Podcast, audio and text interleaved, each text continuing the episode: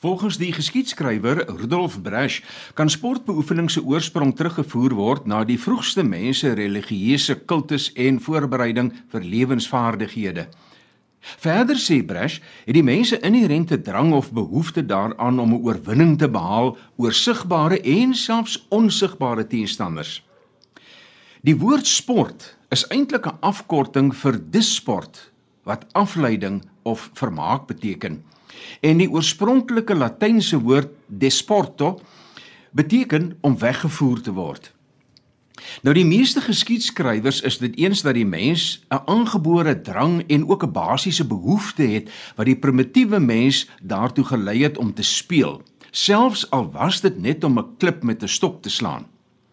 Dit het sy spanning verlig en hom gehelp om van sy aggressie ontslae te raak en dan was dit 'n onskuldige uitlaatklep vir andersins skadelike drange.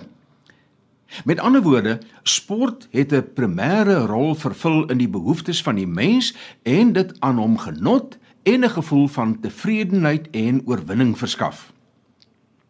'n Verdere oorsprong van sport is die noodsaaklikheid van die mens om homself of sy stam en nog later sy land te verdedig.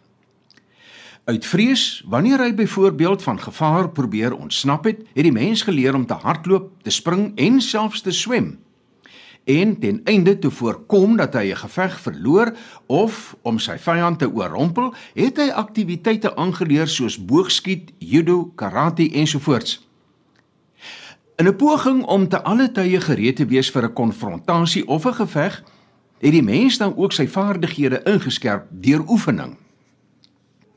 Nou die mense behoefte aan ontspanning oor die afgelope 3500 jaar openbare merkwaardige ondernemingsgees en eindelose energie in die ontwikkeling van nuwe sportspele of aktiwiteite op die grond, op en onder die water en selfs in die lug. Die vermoë om te speel blyk ook 'n algemene aktiwiteit van kinders te wees. En Dit vind al van die vroegste tye af neerslag in byna alle vlakke van die mense bestaan. So byvoorbeeld is daar bewyse gevind van 'n vorm van rolbal in Egipte wat terugdateer na ongeveer 5200 voor Christus. Terwyl 'n vorm van cricket wat met twee stokke gespeel is, hulle dit genoem gilidanda, reeds in so ongeveer 3000 voor Christus in Indië bekend was en vandag steeds gespeel word. Sommige moderne sportsoorte en spele het noodwendig ontwikkel uit voorbereiding vir oorlogvoering, byvoorbeeld boogskiet, spiesgooi, veerpyltjies ensovoorts, maar deesdae word dit algemeen aanvaar dat sport en spele 'n plaasvervanger vir oorlog geword het. Wat voorheen bloedige stamkonflikte was, word deesdae beslis deur rituele wat uitgevoer word volgens komplekse reëls, kodes en konvensies waarin geweld en aggressie steeds voorkom, maar beheer word.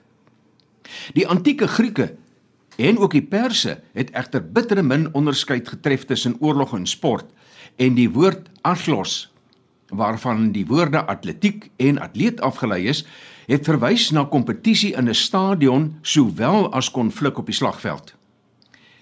Die bekendste sportgebeurtenis in die westerse beskawing gedurende die antieke tyd was die Olimpiese spele wat amptelik vir die eerste keer in 776 voor Christus plaasgevind het.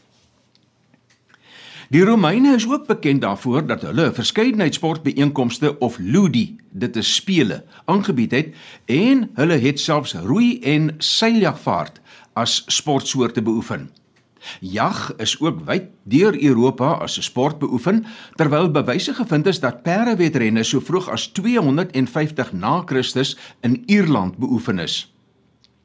Strydwa-wedrenne was ook baie gewild in die Byzantynse ryk totdat dit in 532 in Konstantinopel verbied is. Polo was ook gewild in die nabye, midde en die verre ooste.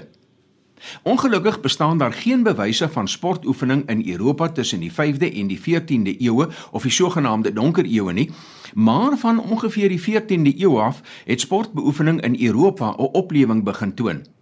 Dit ten spyte van verskeie edikte en statute wat deur heersers uitgevaardig is om sekere sportsoorte te verbied omdat hulle bang was dat dit inbreuk sou maak op die mense vlak van gereedheid vir oorlog.